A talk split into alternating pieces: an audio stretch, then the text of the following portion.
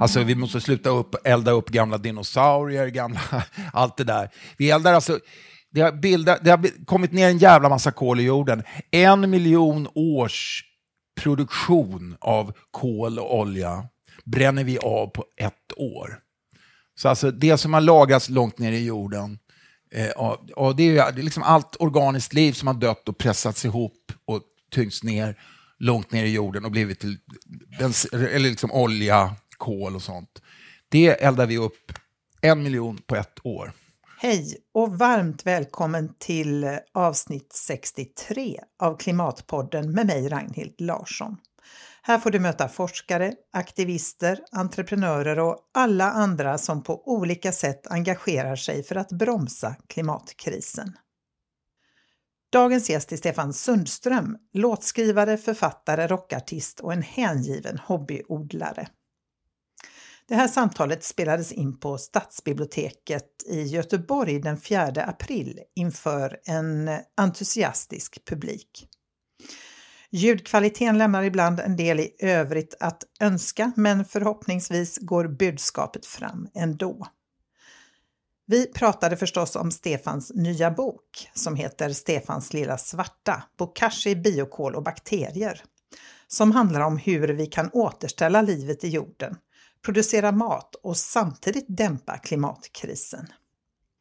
Det blev ett samtal om den utarmade matjorden, varför bokashi är så mycket mer effektivt än en vanlig kompost och varför kor inte enbart är klimatbovar och om varför vi behöver vända kolcykeln och hur vi kan göra det och om behovet av ett systemskifte och om det verkligen spelar någon roll att jag odlar mina tomater samtidigt som det öppnar ett nytt kolkraftverk i Tyskland.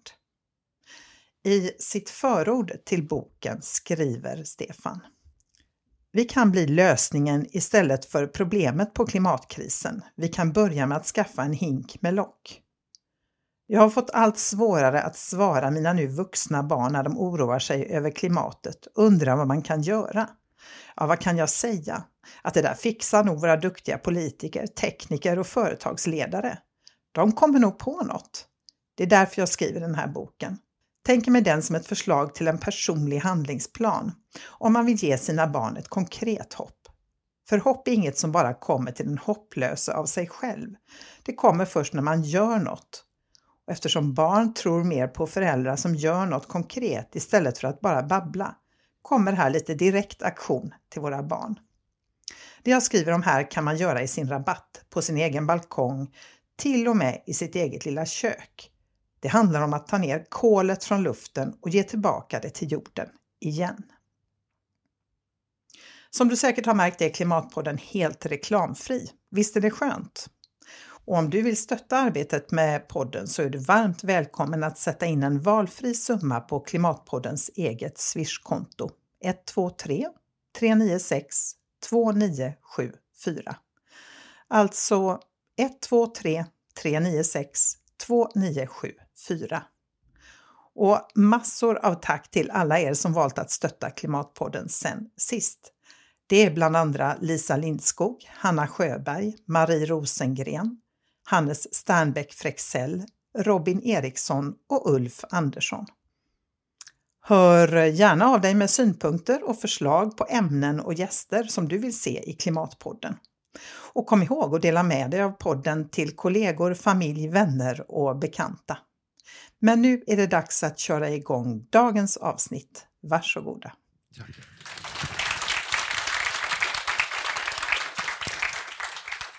Välkomna hit allihopa till denna liveinspelning av Klimatpodden. Och eh, det är jätteroligt att det är så många här. Och det är jätteroligt att du är här, Stefan. Ja, tack. Vem är du? Uh, uh. jag är en kille från Stockholm som jobbar i vården i massa år men alltid har velat spela. Och så började jag spela och så har jag spelat i 30 år. Eh, och börjar liksom, eh, musiken börjar bli liksom, eh, lite mer som ett jobb. Men, och under tiden, eller sen jag fick barn, så har jag odlat hela tiden. Så, och det där har liksom upptagit egentligen större och större delen av mitt eh, hjärta kan man säga. Så att jag har grottat ner mig i det där. Och nu har det blivit så att jag gör, odlar liksom, och skriver om odling mer än vad jag lirar faktiskt. Och jag längtar ofta på turnéerna har jag längtat hem till min trädgård. Så nu sitter du här och längtar efter dina odlingar? Ja, när det blev så fint väder idag så kände jag, det var ju så här Göteborg, plötsligt bang, det var ju sommar liksom. Och så kände, vet jag att jag har tomater stående under såna här eh, lampor hemma liksom, så det känns jävligt onödigt. på det sättet. Och apropå den här plötsliga värmen då, då får i alla fall jag lite klimatångest därför att det är så onaturligt varmt. Eh, alltså hur mm. blev du engagerad i klimatfrågan? Ja, jag, har, jag har väl alltid på något sätt eh, redan min fars, jag kommer ihåg min, min barndom, min farsa var så här, han eh, hade läst den här Tyst vår av Rachel Carlson. Så att vi, han tog med mig, almarna i Kungsträdgården i Stockholm skulle såga ner tidigt 70-tal. Jag var bara 11 år. Och då tog farsan med mig dit. Och, och då, var det massa, då hade det varit en massa hippies som hade ockuperat de almträden för att liksom inte skulle kunna sågas ner. Och då, då blev det så här, jag läste Sagan om ringen samtidigt. Alltså, så jag blev så här, oj, det här är alver, liksom, tyckte jag. Och, sen dess, och så blev jag väldigt intresserad av vad de höll på med, de här hippierna. Och det, det, där fanns det ett, liksom ett tidigt miljöperspektiv, även om det inte fanns någon större medvetenhet om klimatförändringar då. Fast Shell och de hade ju redan vetat det i tio år. Då, ja, det har vi fått reda på nu, ja, att de har mm. vetat ja, väldigt länge. Eh, men, men när blev det mer konkret då? Var det ja, någon det, speciell det, händelse? Eller? Nej, men alltså, jag har inte förstått det där med koldioxidens roll. Det tog faktiskt det är nog de senaste två, tre åren som jag verkligen har förstått eh, att jag har liksom tänkt det här, alltså många klimatförnekare säger den här grejen fortfarande, att koldioxid är ju inte giftigt, det är ju det växterna växer av, det kan man ju få höra fortfarande. Och det är, det är en sån eh, otrolig eh, fälla att gå i om man inte har satt sig in i det. Och så kände väl jag lite också, jag, liksom, ja men vad bra, nu är det ingen bly i bensinen och, och sådär. Och jag kan eh, liksom att koldioxiden, eh, att det var, jag hade svårt att förstå den grejen att det, att det funkar som att det blir en termos runt jorden och att värmen som strålar in inte går ut lika mycket som den gör mm. som den gjorde förr. Liksom. Mm. Att vi har, att vi har eh, liksom, mer koldioxid i atmosfären än vad vi har haft på 400 miljoner år. Är det, är det inte så? Jag tror det. Det är ganska svindlande i alla fall. Ja, just det. Man vet och det, det har bara pikat så här liksom, de senaste hundra åren. Mm. Så det, det, det, det har jag nog faktiskt begripit de senaste två, tre åren. Mm. Har du klimatångest? Ja, jo. Alltså, och, och ibland väldigt, är jag väldigt dystopisk. Sådär. Och inför mina barn som då är vuxna så, så har jag egentligen svårt så här att säga att det här går nog bra. Eller jag brukar säga, jag brukar säga, fan jag trodde att det skulle gå åt helvete när, på, på 80-talet när, när de placerade ut Pershing-robotar i Västtyskland och Polen. Mm. Då tänkte jag, nu, nu, vi kan dö imorgon, tänkte jag. Då. Och så blev det ju inte. Och så, och så drar jag upp det här med ozonhålet, att det blev faktiskt, i och med att vi slutade använda freoner så har ozonhålet faktiskt börjat läka. Så det, jag försöker, men alltså ofta så, ärligt talat så kan man känna att nej men det här går nog inte så bra. Va? Men det är ingen, det är, det, ja, det, det är liksom lite som att ha cancer. Alltså, inte för att jag har haft det, men, men eh, alltså man, må, man måste inrikta sig på att bli frisk när man har cancer, även om det är dåliga odds. Mm. Och det är väl ungefär det läget som världen är i faktiskt. Mm. Och det, det är därför jag skrivit böcker. Jag försöker skriva böcker som inte är sådär åk till Thailand och sup ihjäl det är lika bra liksom. Så. Utan odla är då ett bättre alternativ? Ja, och, ja, det, det, ja. odla är faktiskt inte alls ett dåligt alternativ vad det gäller det. Utan det, är, det, det kan vara ett otroligt dåligt alternativ om man bara åker ut till Weibulls och köper en massa Roundup och eh, konstgödsel och bara kör eh, för att man vill ha en fin gräsmatta. Då är det dåligt. Men grejen jag säger i den här boken är att vi kan vända eh, kolcykeln i våra egna små trädgårdar. Vi kan till och med vända den på vår egen balkong. Och det är klart att vi vänder ju inte hela kolcykeln, men vi, vi vänder en liten kolcykel där. Vi kan alltså få ner kol, kol i jorden. De prat, ni vet, de pratar ju jättemycket om eh, de här tekniska lösningarna som ska göra att, att vi, ska, vi ska ha stora dammsugare som drar i koldioxid från atmosfären ner och så skickar vi ner i de här frackingfickorna på havsbotten och såna grejer. Eh, grejen är att det finns en lösning, eller liksom inte en lösning på klimat, klimatkrisen, men det finns en slags eh, sätt att i alla fall mildra den som, som eh, är en väldigt enkel och billig metod. Och det är den jag skriver om. Och, och alltså, vad innebär det att vända kolcykeln? Då? Kan du förklara? Eh, så att ja, det har ju med fotosyntesen att göra. Alltså, ni vet fotosyntes. Alltså växter suger i sig koldioxid från luften och skapar kol. Alltså, de, de, med hjälp av solljuset fick, kan de dra i sig koldioxid, drar ner koldioxid, kol i rötterna som blir liksom olika kolhydrater som sen går ut, om, om man har en fungerande jord, så, så går det ut i liksom risosfären, i rotzonen, till bakterier som sen lagrar kol i jorden. Men det, det, det är beroende av ett fungerande ekosystem i jorden. Och som det moderna jordbruket och vårt sätt att sköta våra trädgårdar fungerar så, så förstör vi det ekosystemet. Eh, det är så här, alltså, eh, fotosyntes, eh, växten tar hand om, om, om den koldioxiden den suger upp. Jag tror det är 40 procent av, av det den har, eh, får som kol går till själva växten ovanför jord. 30 procent går till rötterna och 30 procent går genom eh, alltså, eh, mykorrhizan ut i jorden. Igen, vad sa du? Mykorrhizan, ja, det är svårt. Det är, det är alltså svamprötter.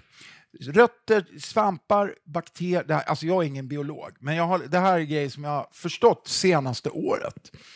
Eh, så 30 procent bygger matjord, bygger mull av, av kol och eh, bakterierna löser upp massa mineraler som finns i, i berggrunden liksom, och ger det tillbaka. I växt, det är ett slags handelsutbyte mellan växter och bakterier. Som är jätteviktigt. Det här har inte jag förstått. Det här har ingen lärt mig förut. Alltså jag, är, som jag, jag hade två i biologi. Jag har ingen aning. Men alltså, det gör att om vi eh, tillämpar vissa metoder som det här, och vi ska väl komma till det, bokashi och biokol, och i, det i kombination, då börjar vi bygga upp matjord. Och det är det som har hänt på prärien. Det är det som hände i Ukraina under tiotusentals år när, när bufflar och, och antiloper och sånt gick och käkade gräs. Då var det en, en, en slags symbios mellan eh, betande djur, gräs och bakterier som byggde jord. Byggde de här 8-9 meter djupa matjordarna, den här svarta jorden som de pratar om. Och det kan vi, det kan vi, vi människor är så pass kapabla så det skulle vi kunna göra egentligen väldigt stor skala. Och jag tycker vi som är fritidsodlare, eller man ska säga, vi skulle kunna vara de som We could be heroes. Liksom. Vi skulle kunna göra det själva och visa industrijordbruket att kolla vad vi gör. Det är min idé. Men eh, alltså, räcker det menar du? Vi eh, bygger lite bättre matjord och så räddar vi klimatet? Nej, det räcker inte. Utan eh, så är det definitivt inte. Vi måste jävligt omedelbart sluta ta upp den fossila kolen. Alltså den kol som har lagrats in under årmiljoner. Alltså vi måste sluta upp, elda upp gamla dinosaurier, gamla, allt det där. Vi eldar alltså det har, bildat, det har kommit ner en jävla massa kol i jorden. En miljon års produktion av kol och olja bränner vi av på ett år. Så alltså det som har lagrats långt ner i jorden, eh, och, det är, det är liksom allt organiskt liv som har dött och pressats ihop och tyngts ner långt ner i jorden och blivit till eller liksom olja, kol och sånt. Det eldar vi upp en miljon på ett år. Och då, det, det, där kan man också förstå det här med att det är en ändlig resurs. Det är en resurs som förr eller senare kommer att ta slut. Och den kolen hamnar alltså uppe i atmosfären och lägger sig som ett, så gör jorden till en termos så att den blir varmare och varmare. Eh, ja. Mm. Mm. Alltså den här boken då. Mm. Jag tänkte att den ska, det är ju den vi ska prata om, bland annat. Eh, bokashi, biokol och bakterier. Bokashi, vad är det för den som är oinvigd i ja, detta? Jag, var också, jag, jag, jag har alltid varit så här, egentligen anhängare av kompost. Jag har mm. till min mejladress till och med är kompost, liksom, för att jag tycker det, det har varit min liksom, grej här i livet. Jag har känt liksom, jag, ibland har jag känt mig väldigt meningslös. Det gör ju alla människor tror jag. Eller jag gör det i alla fall. så här, vad fan mitt liv, vad, vad, är det, vad är det bra för? Men, men när jag går ut med komposten till min kompost så har jag i alla fall känt liksom, äh, det här är bra. Jag, liksom, det här, jag gör någonting, jag bidrar till någon slags biologisk mångfald här. Det är liksom ändå att bygga liv.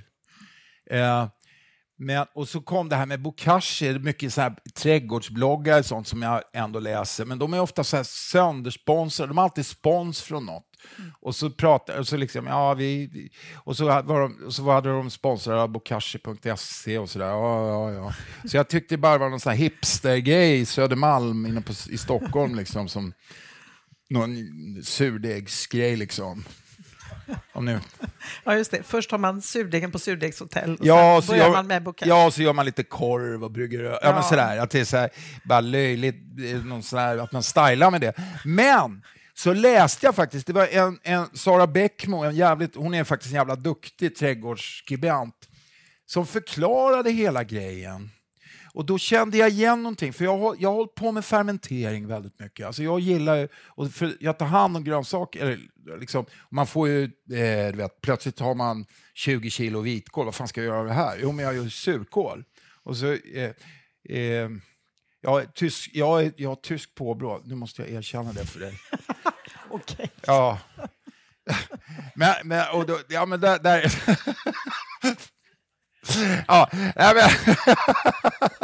Eh, ja, men, ja, men vet, man lägger, jag lägger in gurka och såna Och det är precis samma grej man gör med avfallet. Va? Eh, och det är en syrefri process. Nu går jag över till avfallet. Men den påminner om, om precis hur man gör surkål. Alltså man, man stänger ute syre och låter anaeroba, alltså bakterier som inte är beroende av syre, ta hand om det här och, och, och processa det så att säga så att pH-värdet går ner, det blir surt, surkål, och mycket mer lättillgängligt för vår, våra eh, inre, vår inre bakterium, vad heter det, Bi mikrobiom. Ja. Känns du? Ja, ja, min mamma hon, hon pratar, hon pratar lite sådär. Jag menar, ja, skitsamma, varför fastnar jag på det för? Jag, men alltså, tyskar de är väldigt upptagna av, av du vet, tarm... Har ni läst den här, äh, vad heter den, Charmen med tarmen? Charmen med tarmen, ja. men den hade jag läst precis. Och då började jag se, wow, det här, alltså, en bokashi-hink är som en mage, eller, eller egentligen den är som en kos mage kan man säga. Ni vet det här med, som jag sa med prärien och äta gräs och bakterier. Den, är som en, alltså den omvandlar eh, näringen i avfallet till någonting som blir mycket lätt, mer lättillgängligt, inte för vårt inre då, men för bakterierna i jorden. Det, eh, när man har en kompost förgasas nu, ser jag, nu sitter jag och killgissar siffror lite grann. Men okay. jag tror det är 65 procent förgasas av kvävet, blir, blir kvävgas. Och har vi riktigt otur så blir det också lustgas, vilket är en jävligt destruktiv klimatgas. Och det, kanske, det märker vi ju inte sådär. Men det man eh, direkt får en, en direkt effekt på trädgården är att alltså man får, avfallet blir mycket mindre värt för ens egen lilla täppa. Medan i, i fermenterar man alltså syrefritt så behåller man mycket, alltså 95 procent av, av kvävet. Och eh, det avgår liksom, eh, koldioxiden försvinner inte, metanen försvinner alltså det, det, är mycket mer kvar. Så det är mycket mer effektiv gödning. Bara, bara, och sen om man ska fortsätta att göra reklam för det så, här, så är det, det går att hantera i en stadslägenhet väldigt mycket lättare än kompost som, man, som ändå står eh, och luktar och så här. Det här luktar ingenting för att man sluter till det hela tiden och packar ihop det. Det, det, det kan man också säga som en fördel om man nu skiter i klimatet. Så, så man kan prata om det här utan att prata om klimat faktiskt. Men du pratar ändå om klimatet? Ja, det gör vi ju. Mm. Det, efter, Eller jag gör det. Ja, ja, ja, just det. Jo. Men jag tänker om man vill, om man vill liksom sälja in ja, det till ja. folk. Va? Så behöver man inte vara eh, klimataktivist. Nej, man kan, nej man, om folk nu vill... Ja, och så vidare. Ja, du hör jag. Ja. Men det här med liksom att eh, ja, jag ska hålla på med bokashi då, och biokol. Och, biokol kanske du förresten kan berätta Ja, men det, det kan jag också säga. Vi... Jo, just det. det. Det är ju alltså kol, det är egentligen grillkol fast lite bättre gjort. Det är, det är liksom mer noggrant gjort så att det är rent kol. Det är det, det, man framställer rent kol, akt, det som är aktivt kol, det man renar brännvin med, eller det man gör sån här mag, när man är i Indien och får maginfektion. Liksom, alltså det är det är, re, det är re, kemiskt är det ren kol. Och det, alltså man, man, det, är, man, det är också en syrefri förbränning, på det viset påminner om bokashi, men av ved. Som de gjorde i kolmilerna på 1800-talet, ni vet. Alltså, man förbränner eh, ved utan syre, då får man det här kolet. Och det, då har man ju också gjort en klimatinsats faktiskt, för att den kolen kommer inte brytas ner på, på väldigt länge när man gräver ner den i jorden. Om man, dess, om man då laddar den här med till exempel bokashi, eller i början innan jag lärde mig att göra bokashi så pissade jag på min biokol så att den blev full med med när, alltså när, och det, det blev ju snabbt bakterier och så massa kväve och massa... Ni vet, urin är ju bra för växterna, så är det ju. Det är, det är mycket bättre än sån här skit man köper. Liksom. Så är det. Eh, ja. Ett tips. Ja, ett ja. tips. Ja, men det, istället, nu när jag börjar med bokashi, så just kombinationen, då blir det kanon. Och så träffade jag en snubbe, på, när jag började ville skriva om det så började jag leta upp eh, vilka håller på med biokol. Och då såg jag faktiskt att Stockholms stad gör det. De har byggt en pyrolysanläggning ute, ute, i en, uh, ute i en förort till Stockholm som producerar 700, 700 ton om året. Ja, det är ingen som kan ja, men jag, jag tror det är 700, jag är ja. så dålig på siffror. En jävla massa i alla fall, stor pyrolysanläggning. Och där, och där kommer, där, där kan, alltså stockholmarna eh, kan, det är ingen i Stockholm som vet om det här nästan, men där kan man alltså lämna in trädgårdsavfall och få biokol. Och det gör de bara av slags altruism, eller de vill lära folk att det här är bra, det här är bra för trädgården. Stockholms stad använder det här i sina planteringar, i, i när de nyanlägger parker och och då bygger de något som heter skelettjord, som alltså är biokol, eh, bokashi eller kompost. Eh, och så eh, 60% makadam, alltså grus. Det planterar de träd i. Och det ser ut som de sätter ner träden i, i grus, med smutsigt grus. Och det växer så in i helvete. Det är väldigt intressant, tycker jag. Mm, spännande. Ja. Men det här med bakterier då, alltså hur, jag fattar inte riktigt, hur ska det kunna rädda oss från undergången? Det kan mildra vår undergång, tror jag. Ja. Eh, nej, men alltså, bakterier, som jag sa, alltså, om man får bakter vissa bakterier kan eh, fixera kol med hjälp, med hjälp av växter. De kan behålla kol i backen. Så klimatmässigt så kan vi få ut en jävla massa... Och så, alltså skulle man tillämpa det här storskaligt, alltså i storindustrin, och ställa om industri, alltså jordbruks eh, sättet att bruka jorden så skulle vi ha en chans. Alltså. Mm. Ja, och hur, ja. Eh, hur, eh, hur långt bort är det? Finns det någonting som tyder på att jordbruket är på väg att ställa om den här riktningen? Grejen är till exempel i Australien så där har staten, eh, statliga myndigheter då på något sätt börjat ta det här lite på allvar. Så de ger bidrag till bönder som ställer om till eh, dels fossilfritt, men, men det, är, det är lite svårare med maskiner och sånt, men till att, att sluta eh, plöja upp jorden och istället ha alltså, grass management tror jag de kallar det för. Alltså att de, eh, de har kor som betar och de är inte för många. Och de, de låter korna bara käka gräs och inte kraftfoder. Och, då, och, och eh, att de tillför just biokol. Och inte, bokashi har de kanske inte börjat med så mycket, men att de i alla fall håller på att bygga upp eh, bakteriekulturen i jorden. För det ska man veta, alltså, i, i Sverige då, och Sverige är inte värst, det är mycket värre till exempel i Texas och sådana stora jordbruksområden, men, men i Sverige, en åkerkant i, i, i Sverige innehåller tio gånger mer mikroliv, biologisk mångfald i jorden, än vad den gör när man mäter ut på den här åkern. Det är inget bra. Nej. Uh, mykorrhizan är i princip borta i svensk åkerjord.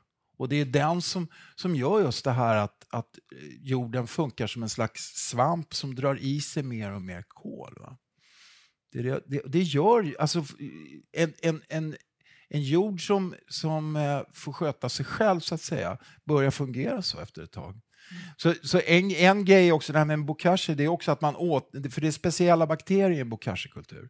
Det är, liksom att, det är ungefär som man själv drar i sig såna probiotiska shottar som man kan köpa på Pressbyrån. Det är samma grej som man gör med jorden. Då. Man ger en probiotika. Och då kan man säga att biokolen är liksom prebiotikan, eller alltså fibrer och sånt man käkar för att för när man, om man bara drar i sig probiotika eh, och fortsätter käka massa eh, chicken McNuggets och massa sånt där skit som inte är något bra att bygga upp en flora med, utan istället äter fiberrik mat och jordärtskockor och sånt, då bygger man upp Alltså, biokol är som en slags korallrev kan man säga alltså, i jorden för mikrolivet. Mikrolivet blir mycket rikare. Mm, det lät vackert. Ja, mm. ja just det. Korallrev, ja, men det, det ska jag använda i min propaganda! för Bokashi! Men tänker du så här att eh, fritidsodlare då kan gå före och visa vägen på något ja, sätt? Ja, Tror ja, du att det, ja, men det, det, det, här, det där sa jag bara förra helgen på trädgårdsmässan. Jag tyckte det lät så bra, ja, för då visste jag många fritidsodlare var där. Jag tänkte ja. det var så här, men liksom, we can be heroes one, for one day, liksom. Jag tänkte så. Jag tyckte det var också... Men är det, no, är det liksom, jag tänker de här, alltså det industriella jordbruket, eh, finns något intresse från det hållet? Alltså du pratar nej, om Australien, och men... nej, nej, och så är det ju så att agrobusiness vill ju bara fortsätta. De vill ju fortsätta sälja eh, eh, konstgödsel och de vill fortsätta eh, på hela den här storskaliga monokulturer, hela den grejen. Eh, det är jättesvårt, men eh, det finns liksom bland forskare så en, gry, verkligen en gryende grej om den här prylen. Så att, ja, jag vill i alla fall försöka. Mm. Mm. Det är klart att det det är lite som i Sagan om ringen, så här, Fro, Frodo och Sam. Känner du dig så? Jag är Sam. vad, vad, är det, apropå det, vad är det som driver dig att hålla på då? Som gör att du inte Nej, men I grunden är det nog bara... ja, att jag, massa, det, det som driver mig att inte göra vissa saker, som att flyga och sådär. Så, ja, men det, det handlar ju om att jag... Eh, det tror jag handlar om att jag vill se mina barnbarn i ögonen. Alltså, faktiskt. Mm. Att det är någon slags... Eh, ja, fan, det här gjorde... Det, det, det så. Mm. Uh, men det, jag tror det är svårt att det är svårt att få folk att inte göra saker. Jag tror det är lättare att få folk att göra saker, tänker jag. Typ odla då? Typ faktiskt odla. Mm. Och det, sen finns det ju massa aspekter av det att jag blir, blir mer självförsörjande, att slippa knega så jävla mycket. Det, var faktiskt, det har varit en grundgrej för mig sen jag såg de där hippierna i träna. Det var ju liksom, I don't wanna work. det vet Dugget. vi, vi är gamla kompisar.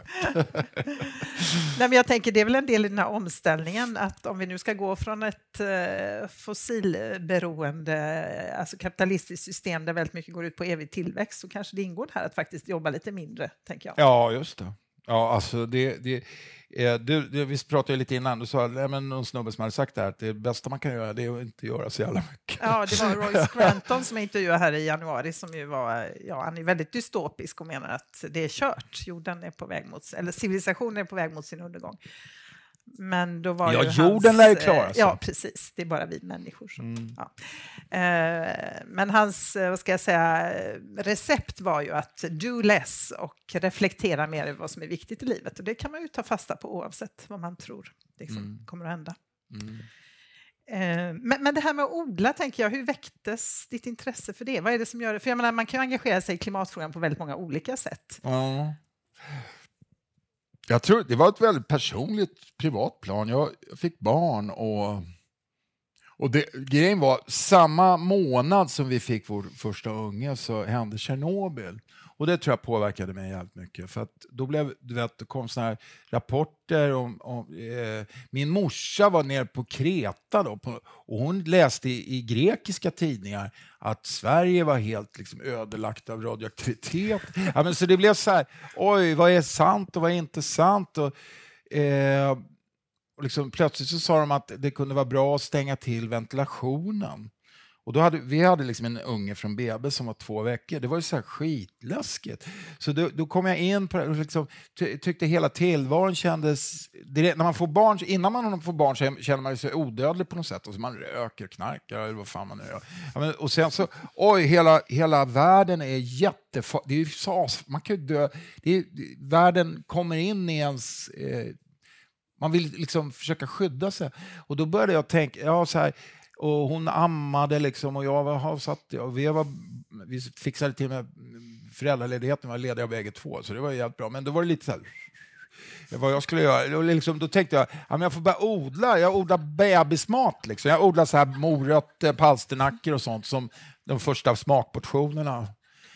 Eh, och då hajade jag egentligen ingenting om odling. Vi hade flyttat ut på Mälaröarna som, som är så här leriga öar utanför Stockholm. Och, och så eh, försökte odla morötter, den här leran funkar inte alls. Men, men sen kom jag in på det här med tomater och grejer och lärde mig liksom mer och mer. Så det är, väl, det är utifrån väldigt så här egoistiskt, oj, vad, så här, mina barn. Liksom.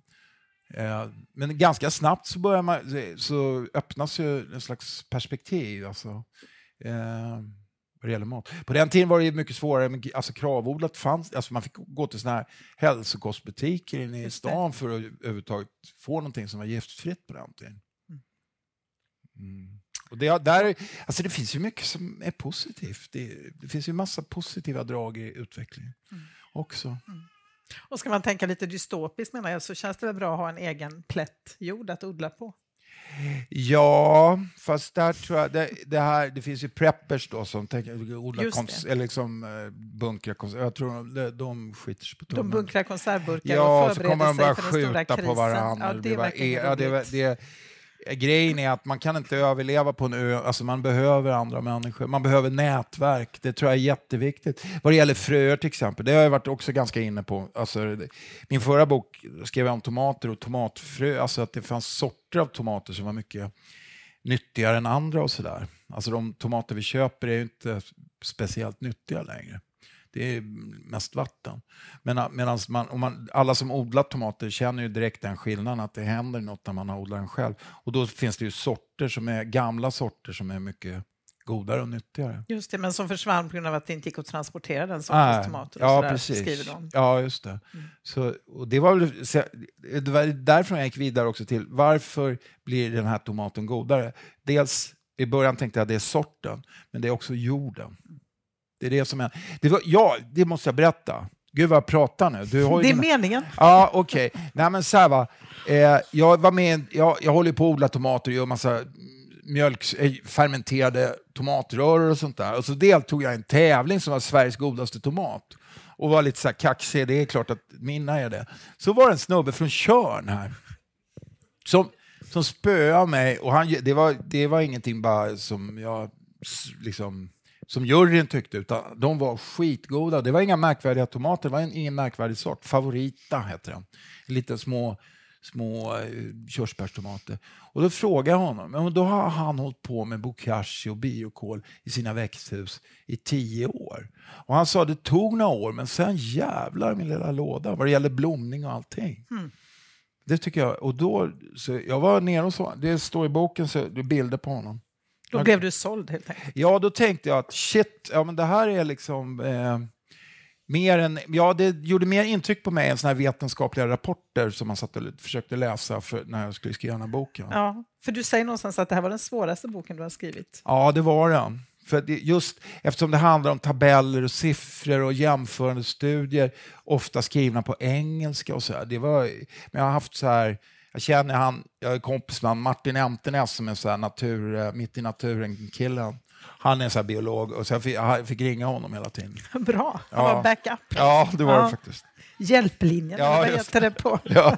Vem vill bli miljonär? Ja. Jag mejlade honom, för, jag bara, får jag läsa upp ett sms? Ja. Jag smsade honom i morse. uh, för jag tänkte att jag skulle säga en grej där. Uh, vad har vi det? Martin där. Så här. Uh, hur, jag frågar, för att jag tänkte att vi skulle prata om det. Alltså jorden, så här är det, matjord försvinner ju. Va? Det är inte så att vi bygger matjord med det här industriella jordbruket, utan det är tvärtom. Om ni tänker på hur det ser ut i Sydeuropa, alltså Spanien var, hade ju liksom metertjockt lager med matjord eh, för 2000 år sedan. Italien, Grekland, Israel hade det var ju liksom jättefin odlingsmark. Eh, nu är det ju inte det längre. Det är liksom en 2000-årig ekologisk katastrof som har hänt. Men, eh, men då frågar jag, hur, hur var det nu? Hur många lastbilslass matjord lämnar Skåne för havet varje månad? frågar jag. För det här har han pratat om i sitt föredrag. Men, varje, men då, 4 000 lastbilslass om året av Skånes matjord försvinner ut i havet eller, eller upp i luften. Eh, både och. Alltså. Och då svarar jag lite roligt, får jag, skriva, läsa det? Kan man öka det på något bra sätt? När slipper vi Skåne helt och hållet? Men det, men, nej, det var billiga populistiska poäng. Men jag tyckte Ja, det det var, det. Ja, det var det. Eh, Men du, apropå bakterier då, du eh, skriver också om vår överdrivna hygien i den här boken. Det är Ja. spännande. Så jag tänkte att du skulle få Ja, litet ja men vad roligt. Ja. Jo, men det, det, det, det tycker jag. Alltså det finns en koppling mellan våra, vår inre tarmkultur och jorden. Det är verkligen, det är, det är likt varann. Vi har ju alltså vi har tappat en tredjedel av vårt eget mikrobiom de senaste 200 åren. Alltså folk var jävligt skitiga förr i tiden. Och det mådde de bara bra. Jag ska läsa här. Så här skrev till exempel en provinsialläkare i Småland 1850 när han inspekterade blivande soldater på en mönstring. Oaktat pålysningar om renlighet infinna sig beväringsynglar till den grad smutsiga, liksom, lika som de vore uppdragna ur dy, att jag ibland med lätt instrument måste skrapa synnerligast nedre extremiteterna för att kunna urskilja om lemmarna är friska. På frågan varför de ej tvättar sig blivo svaret för att kunna bibehålla värmen. Folk förr i tiden var rädda att bli av med sin fäll. Det fanns en föreställning bland folk om att fällen, som den faktiskt kallades av folk, skyddade mot sjukdom och kyla. Och det hade de faktiskt rätt i. Mikroberna vi har på huden är den yttersta försvarslinjen för vårt immunsystem. Så är det ju va? Så duscha mindre helt enkelt. Det är. Ja, det handlar inte bara om det. Det handlar också om alltså, att överhuvudtaget... Eh, ja, men jag läste nu om, om eh, alltså, kejsarsnittfödslar. De barn som har blivit det, nu, på, nu har sjukhusen alltså börjat pensla de barnen med mammans eh, sekret från underlivet för, och också från eh, rumpan. Liksom, för att barnen måste få i sig just, och det är viktigt att de får i sig just mammans bakterier. För att man ärver ett slags mikrobiom, alltså en, en kultur från sina föräldrar och som är jätteviktig. Och kommer inte de bakterierna dit, det är det också som händer när man tvättar sig väl, eller spritar. Eh, man tar bort bakterier, men alltså då, då kommer det ju andra jävligt fort. Och det man själv har, i, liksom, som har levt på ens kropp under, sitt- eh, under ens liv, de, de, eh, de absolut flesta av de bakterierna är, är, ingår man i ett slags symbios med, som är jätteviktiga för en själv. Och vi håller på att sumpa det där. Eh, Det är dumt. Det kan vara väldigt dumt, tror jag. Du kommer strax att få fråga. Mm. Eh, så kom ihåg din fråga. Eh, jo, en annan sak som du pratar om det är ju det här med korna. De dyker ju jätteofta upp i, i klimatdebatten. Ja, de just är det. stora bovar och bort med korna. De är inte bra. Nej. Men du menar att de kan göra nytta. Ja, Hur då? Undrar jag. Ja, jag har varit inne på det lite grann. Jag har träffat norrländska eh, mjölkbönder som är jävligt upprörda över den här havremjölken och jag liksom blev utskälld så här. De trodde att jag var vegetarian. Och efter jag, jag har någonstans, folk tror det. Liksom. Så här jävla... Eh, ja, men att, att, eh, att, att jag inte förstår naturliga sammanhang. Ja, men grejen är, alltså det, det är inte korna som är, om jag får säga vad jag själv tror, så är det så här, det är inte korna som är klimatbovarna utan det är sättet att hålla kor som är klimatboven. Det är liksom mängden kor vi har tryckt in i, i liksom stora lagårdar och, tryck, och tvingar i dem kraftfoder som inte deras magar egentligen klarar. De, alltså, en ko nu för tiden växer ju det, det är siffror på det där, men då, det är lika bra att jag säger siffror för jag kommer inte ihåg dem. Men, men alltså, kor växer eh, nu för tiden tre gånger snabbare än vad de gjorde på 30-talet. Och det är för att de alltså käkar, de, får, de, de har ständig kolik, kor. För att de käkar majs, de käkar soja, bara, bara för att snabbt producera både mjölk och, eh, och, och kött. Va? Och det där pallar inte. Kor ska ju käka gräs. Och gör de det under... Eh, har man ett liksom lagom eh, eh, betestryck på en mark så, så sker istället, som jag sa förut, så sker inte en kol... Alltså, det blir en kolcykel. Va? Det är klart att det blir klimat... Det blir liksom eh, avgaser av kons pruttande. Det blir det. Men alltså, de, dels blir det mycket mindre om den, om den slipper käka får kolik av att käka eh, kraftfoder. Men, men eh, det, det, liksom, det vänder på hela den cykeln. Det, den tar ner mer kol i marken än vad den liksom får upp. Va? Och för svensk vidkommande i den, i den svenska, liksom, speciellt uppåt tajgan där det är naturligt är mycket granskog och, och så, där, där, där kan kor göra en otrolig klimatnytta i skogen genom att beta upp gläntor, genom att inte bara odla gran utan också odla lövträd, asp och björk som de kan käka sly. Så det som älgarna käkar nu istället. Det kan man, eh, på det sättet så, så kan man eh, göra man kan öka mångfalden i skogen och göra den till en produktiv eh, grej som inte bara skapar timmer utan, och virke, utan också mat. Och där, där tror jag Norrland har en otrolig framtid egentligen. Och det, tror jag, alltså det hörde jag någon säga att svensk glesbygd kommer inte vara glesbygd så länge till. Om man ska vara smart så ska man nog tjacka upp sig på ett hemma någonstans i Norrbotten. Och det är ganska billigt. Det, det, det är ingen som vill bo där. Nej. Så det, det tror jag, det, det där kommer att vända. Alltså. Mm. Hur lång tid tar det tror du? Ja, det vet jag inte. Ja, det tar en, eh, 25 år. Okej, Nej, jag vet Då vet vi. Ja. Fan vad kul, det är, jag är expert. Ja, visst Ja. känns det skönt? Ja, wow. härligt. Vilken framtid. Ja. Eh, Men alltså, jag tycker hela tiden det här klimatdebatten, den handlar på något sätt om vad kan jag göra som enskild individ? Eh, Men så kommer man till en gräns där man känner Mm. Ja. att det måste ju ske saker på systemnivå Ja, verkligen. också. Ja, alltså det där är ett trick tycker jag. Alltså speciellt du som konsument kan Eh, du kan välja om du, ska vi sätta på den här mixen med den här guldfisken i oss, eller inte liksom. Att det, är man, att, ja, det är ett jävla trick. Eh, och, det, det är, och ibland alltså när folk, ja men fan är en barnfamilj med tre ungar som har haft en skitjobbig period och, och de vill åka till Thailand, men fan är jag att säga, nej, får inte, alltså på något sätt du flygskammar inte dem då? Nej, jag tycker skam är en jävligt dålig väg, tror jag. Det är alla religioner som använder sig av det, det, går, det blir inget bra. Alltså. Det, jag tror att man måste använda andra grejer. Eh, och eh, sådär va. För jag för min del, att jag inte flyger, det, det var inte så svårt. Jag hatar, flyg, jag hatar flygplatser ändå. Och jag har inte så bråttom. Eller som när turnéer och sådär, då har jag åkt tåg. Det har jag gjort länge. Men det, jag tänkte, för det var Malena Enman som hörde av sig till mig och hon offrar, alltså hon offrar något på riktigt. Hon offrar ju sin karriär faktiskt. Och så, man, hon flög till Sydney och sådär. var- Så det, ja. Så för dig var det inte så svårt menar du att avstå? Det innebar Nej. inte att du offrar en... Nej, nej, för att jag lever ett liv som är ganska eh, soft liksom. Mm, mm. Men vad är, det, vad är de stora utmaningarna då för att vi ska börja bygga det här samhället och få en bättre matjord? Ja, det som ligger i vägen om vi ska verkligen göra det i stor skala, då är det ju eh, politiker och agrobusiness i, i skön symbios som, som inte vill ändra på det här. Och det måste vi ju tvinga dem till. Och hur gör vi det då? Är det civil olydnad då som gäller? Är- då- Är det civil olydnad? Civil olydnad är jättebra, tycker jag.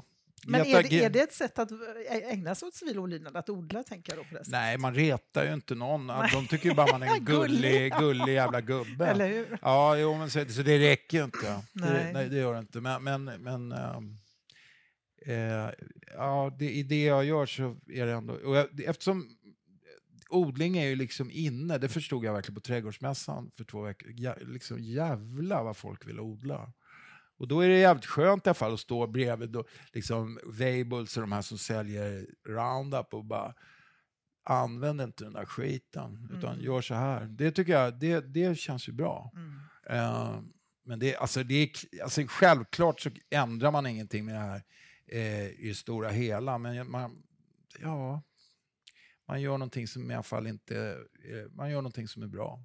Man skadar ingen kan man Nej, man skadar ingen, och man gör lite bra. Mm. Eh, och man får, framförallt, man gör goda grönsaker till sig själv och de man gillar. Mm, Det är inte det sämsta. Nej, det är inte det sämsta. Nej.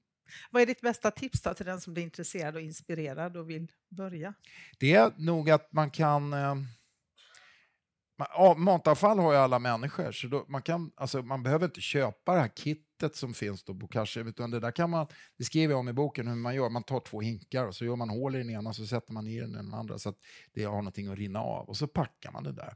Men det är, ja, det är en lång... Men alltså någonstans måste vi göra av alla potatisskal och äggskal och vad det nu är vi fixar till. Tack så jättemycket. Nu ska vi släppa in eh, publiken här också, tänkte ja, jag, som eh, jag tror har lite frågor. Det ska finnas en mikrofon här också någonstans. Är det någon som har en fråga? Ja, det är egentligen inte så mycket en fråga. Ja. Utan mer det här att jag tror faktiskt att det spelar jättestor roll det du gör. Jag läser den här boken nu och jag är så inspirerad. Ja, vad grönt. Ja, okay. och jag har haft bokashi sedan tidigare, men alltså det, biokol. Ja. Det ska du börja jo, men det, nu. En grej som blir väldigt konkret, det är det här som hände i Stockholms kommun faktiskt. Det, det skulle, jag tror Göteborgs kommun säkert vet om det här. Man skulle ju bara kunna pusha dem. Ja, men precis. Och jag ja. tänker, se bara på Greta. Ja, ja det är, och det är fan större i andra länder än vad det är här. Ja. Vi fattar ju inte det. Nej. Hon är liksom, hon är, she's bigger than ABBA. Ja. ja men, liksom. men, du, men du är rätt så stor också. Nej, men jag vill bara säga det. Tack. Ja, tack ska du ha. Fan. Super. Oj. Oj. Hero! ja, tack så mycket. Tack. Okej. Okay. Filip, fråga. ja, jag tycker det här med biokol verkar jätte, jätteintressant. Ah. I och med att det binder näring och så i mm. Men hur är det med tillverkningen av biokol?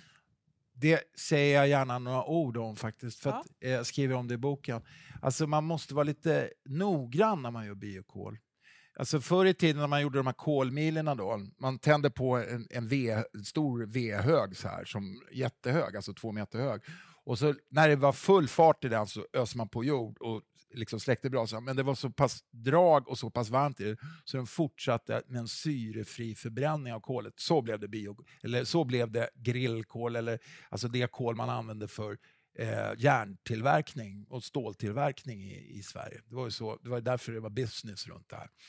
Eh, och då blev det, ett o, det blev en ojämn värme. Så en del av det där kolet, om man inte har förbränt kolet ordentligt, det måste upp under flera tim eller två timmar eller något så måste det vara över 350 grader för att allt, allt eh, annat än det rena kolet ska försvinna. Och så, så det är viktigt, om man håller på med det här, gör det själv, vilket man kan göra, men då ska, då, man får inte slarva då. Det ska inte lukta kära om det. Det ska vara luktfritt. Och så ska det, ska det liksom knastra när man trycker ihop det. Det här är liksom, för att om man inte gör det så är det massa kära och, och såna här kolväten som inte alls är något bra faktiskt att få ner i jorden. Så det är viktigt att säga det när man, när man går ut som jag och säger att man ska göra, tillverka det här själv. Så, så ska man tänka på det. Till exempel grillkol. Så man, man kan ju tänka sig att man köper grillkol. Men där är det faktiskt så att den är inte förbränd tillräckligt mycket. Det, det är inte bara renkål i grillkol. Alltså man måste, eh, det, det, är det som gör att köttet smakar lite gott då också när man, när man grillar. Va? Det, det, och det, som ni vet är inte det speciellt nyttigt. De grejerna är inte så bra. Och få ner det i jorden, det kommer att ligga där i hundratals år, så det, det är bra att tänka på det. Men det var... Förlåt. Men jag tänkte mer hur mycket energi går det åt att tillverka ja, det, biokol? Ja, just... Och i vilken skala måste man liksom tillverka det för att det ska vara... Alltså förstår du vad jag menar? Ja, just det. Man jag måste det verkar jättebra, men hur... Man måste ju tänka på det. Ja, det finns siffror på det och det är också viktigt. Då har de, det kallas ju för pyrolys.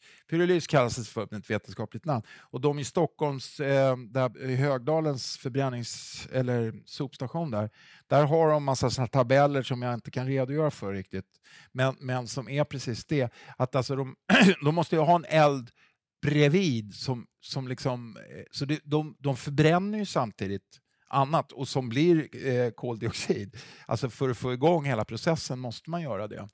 Så det, det är en slags balans där som ändå kostar en del koldioxidutsläpp, det är sant. Eh, men eh, jag kan inte ge siffror på det. Men det, det, det, man kan titta på Stockholms, Stockholms kommun, biokol, om man googlar det så, har, så finns det en tabell för det där. Och hur, vilka temperaturer och sånt där. Mm. Eh, det där med bokashi låter ju jättebra. Men eh, behövs det någon tillsats för att få igång själva processen? Eller kan man bara stoppa ner det i en spann och packa? Och, och I och för sig så kan man faktiskt göra det, för att då, bildar, då bildas eh, mjölksyrebakterier finns överallt. Så till exempel när man gör, om man gör mat, om man till exempel gör surkål då, så tillsätter man ingenting, för på, på vitkålsblad så finns det fullt av mjölksyrebakterier, som om man ger dem den rätt, de rätta förutsättningarna blir de segrande bakterierna så att säga, som tar över hela processen. Men eh, det finns en snubbe i Japan som höll på att experimentera, det är därför det heter bokashi, det är en gammal metod eh, från Japan där de, där de alltid har mjölksyre, alltså mjölksyrejäst avfall helt enkelt för att göra gödsel av. Det, så det finns. Men då var det en snubbe på, vad han nu hette kommer jag inte ihåg, jag nämner han i boken. Han, eh, han började vilka bakterier är bra i det här? Det här, det här är egentligen, borde jag säga, det, det är tre sorters bakterier som, som alltså fungerar som ett slags konsortium. Alltså det är mjölksyrebakterier, det, det, det här vanliga som vi gör surkål och filmjölk och sånt av, eh, salami, bla bla bla. Och, och så är det gästbakterier, eh, gästsvampar som alltså är samma som vi gör alkohol av. Och så är det fotosyntetiska bakterier som man ser här som är, kallas för cyanobakterier. Alltså den äldsta sorten som finns eh, eh, av alla levande varelser i princip. Och de, de, är, de, är, alltså de kan de kan, eh, de, kan, de kan själva göra en fotosyntes. Eller, eh, ja, just det. De kan alltså omvandla...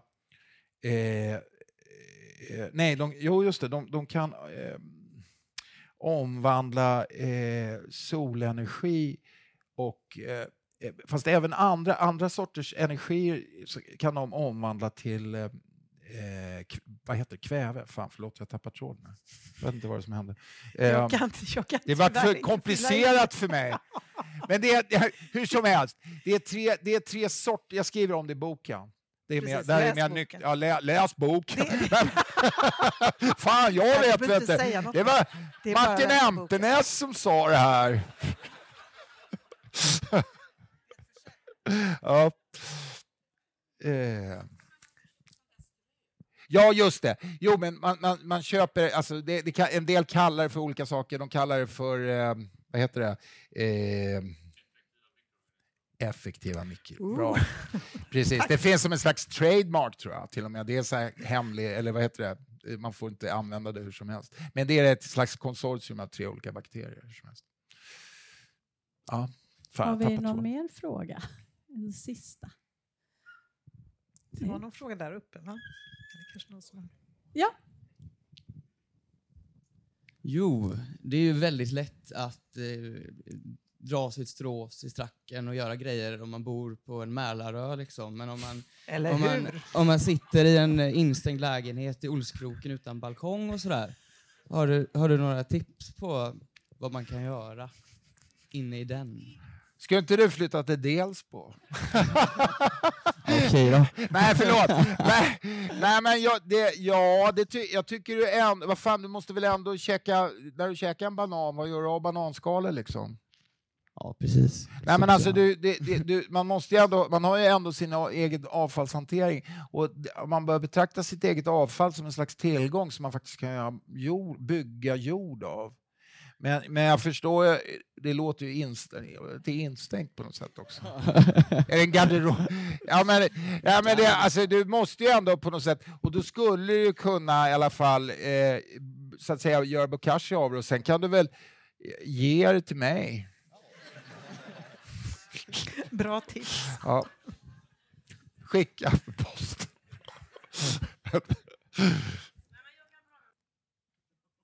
Jo, den här Vänersborgs-skiten då som förstör hela Göteborg. Eh, med den här tunneln och det som ska upp. Liksom. Jag har varit gammal trä, ja. trädkramare och liksom hållit på. Och man trodde liksom att nu jävlar, nu blir det någonting av det. Men inte fan. Nu när vi skulle upp i träden, då sitter två uppe i träden. Och, och liksom, det är jävligt svårt. Och, men du får mig i alla fall att vilja fortsätta. Ja, ja, okay. ja just det. Västra länken. Ja, ja. Västlänken. Västlänken. Men den debatten ska vi Ja, inte ta nu. Tror jag. Nej. Nej, men jag hajar. Tack. tre Men det var tack. väl en bra Tack avslutning. Ja, Publikinpass. ja, Du gör så att vi börjar tänka. det låter ju grymt. Ja. Ja, fantastiskt. Ska vi tacka så mycket? Tack så mycket. Tack så hemskt mycket. Verkligen. Tack att jag fick komma.